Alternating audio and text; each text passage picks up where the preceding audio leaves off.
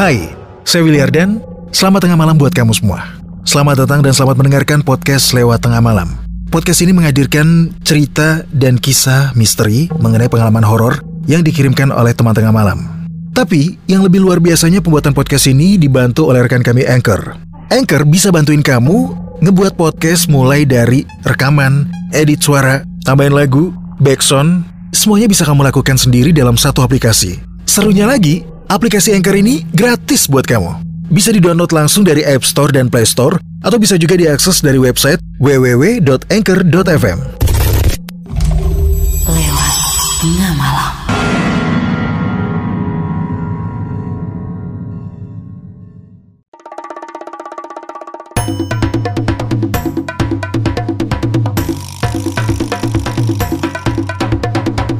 Kini Podcast Network. Selamat tengah malam, kamu lagi mendengarkan podcast lewat tengah malam bersama saya Willy Ardan. Sebuah kisah horor sempat viral di media sosial Twitter yang diunggah oleh pemilik akun @halonindi. Dalam unggahannya itu sang pemilik akun mengungkapkan kalau cerita tersebut merupakan pengalaman pribadi yang dialami sendiri oleh teman SMA-nya bernama Ima. Banyak sekali kejadian aneh di rumah tersebut. Bukan hanya rumah Ima, bahkan para tetangga-tetangganya juga merasakan hal yang sama. Rupanya ada sosok astral penunggu rumah tua itu tapi tidak pernah menampakkan wujudnya secara utuh. Buat teman tengah malam yang penasaran wajib dengarkan ceritanya sampai selesai hanya di episode 186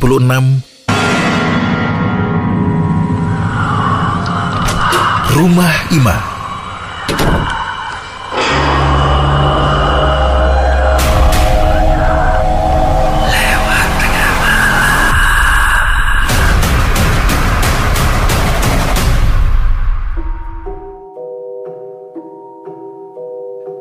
Kisah horor kali ini dialami atau dirasakan oleh Ima dan keluarganya ketika mereka masih tinggal di rumah lamanya.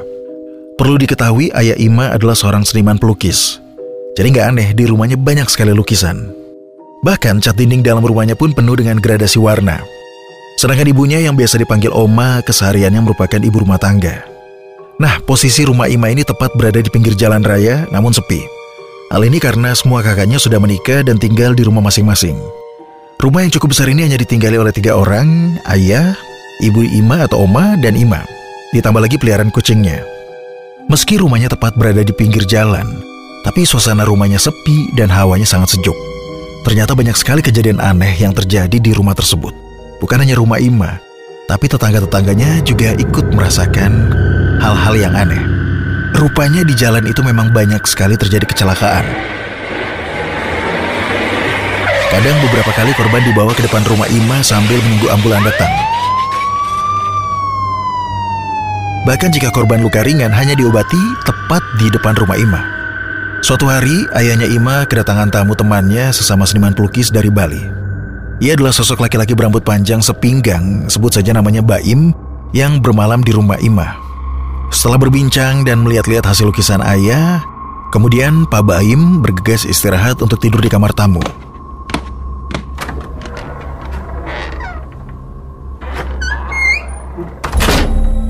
Tiba-tiba, tengah malam pukul 00 lebih 30 menit saat semuanya sedang tidur, Bapak Baim teriak minta tolong memanggil-manggil nama ayah. Kejadian itu membuat satu rumah kaget dan langsung menghampiri Pak Baim. Tahu apa yang terjadi? Rambut panjangnya Pak Baim itu melilit di sandaran kasur. Semuanya panik saat itu melihat kejadian seperti itu. Mereka berusaha melepaskan rambutnya Pak Baim yang melilit dan tidak semua rambut bisa dilepaskan. Mau nggak mau ada beberapa yang harus digunting. Keesokan harinya, Pak Baim memilih untuk tidur di hotel karena terlihat shock dengan kejadian aneh semalam. Karena kejadian aneh itu, ayah Ima langsung mendatangi Ustadz untuk menanyakan hal aneh tersebut. Pasalnya, kamar itu memang selalu kosong. Dan mungkin saja mereka merasa aneh ada orang baru yang menginap di kamar. Jadi malam itu Pak Baim mau nggak mau dikerjain sama penunggu kamar itu. Nah hal itulah yang akhirnya membuat Pak Baim tidak betah tinggal di rumah Ima. Suatu malam di ruang TV, Ima mendengar seperti ada orang yang bilang tung tung tung berulang-ulang. Karena kejadian itu Ima nggak bisa tidur karena ketakutan. Karena Ima terganggu dengan suara itu, dia mencoba untuk menutupi telinganya dengan bantal dan sampai sekarang ini menjadi kebiasaan kalau Ima tidur, mau nggak mau dia akan menutup telinganya karena dia takut akan mendengarkan suara-suara aneh. Kejadian aneh itu muncul mulai jam 11 malam ke atas. Kebiasaan keluarga Ima jam 8 malam sudah di kamar masing-masing dan tidak ada aktivitas lagi. Tiba-tiba malam itu, ada yang buka tutup pintu garasi. Saat itu, ayah yang mendengar langsung mengecek keluar rumah untuk memastikan siapa yang mainin pintu garasi.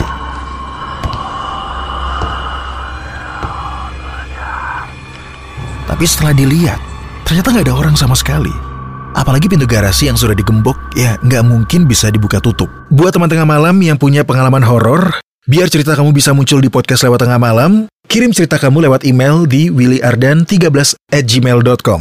Buat kamu yang pengen bikin podcast, langsung download sekarang juga aplikasi Anchor dari App Store dan Play Store, atau bisa juga diakses dari website www.anchor.fm. Anchor bisa untuk edit dan upload podcast kamu.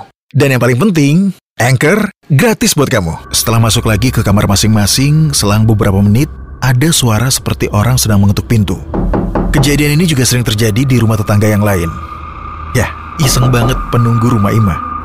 Ada satu kejadian juga saat Nindi yang menceritakan kisah ini sempat menginap di rumah Ima saat masih kuliah di jurusan broadcast. Sambil menyelesaikan tugas dan juga mengedit video, Nindi, Ima, dan teman-teman lainnya asik ngobrol dan juga bercanda sebelum tidur. Mereka sepakat tidur di ruang TV. Karena kalau tidur di kamar Ima tidak akan muat. Saat itu mereka tidur sangat larut karena terlalu asik main games.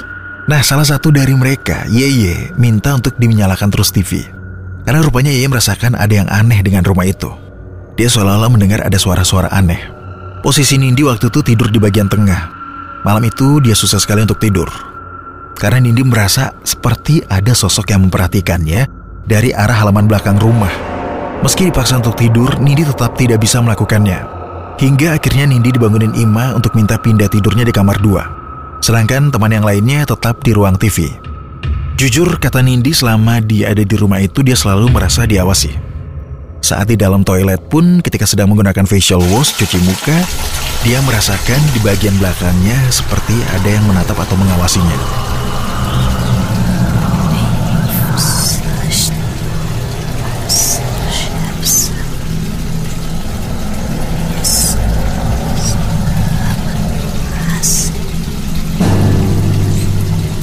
Ada satu kejadian, di suatu hari ayah Ima ada pameran lukisan keluar kota.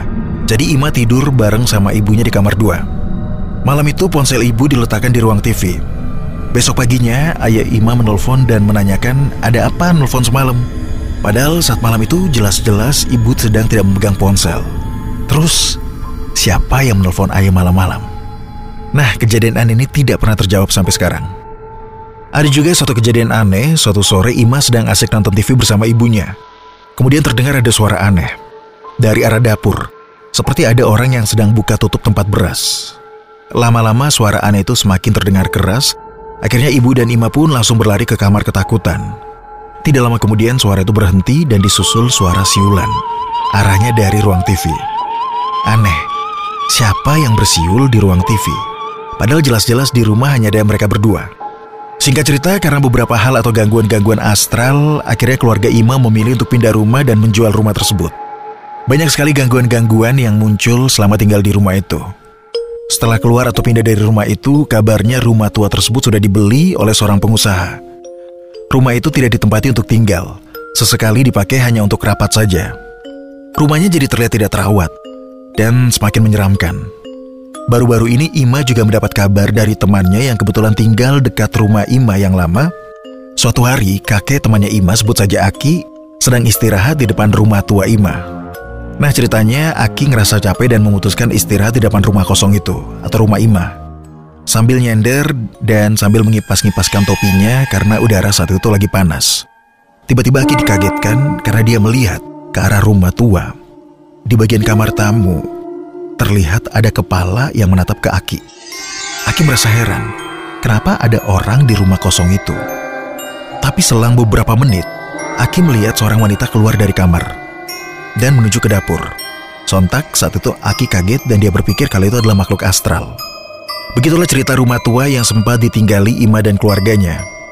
Sekarang Ima dan keluarganya sudah merasa lebih aman di rumah barunya.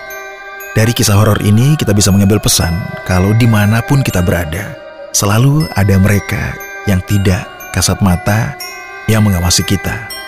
Percaya atau nggak percaya, mereka ada di sekitar kita.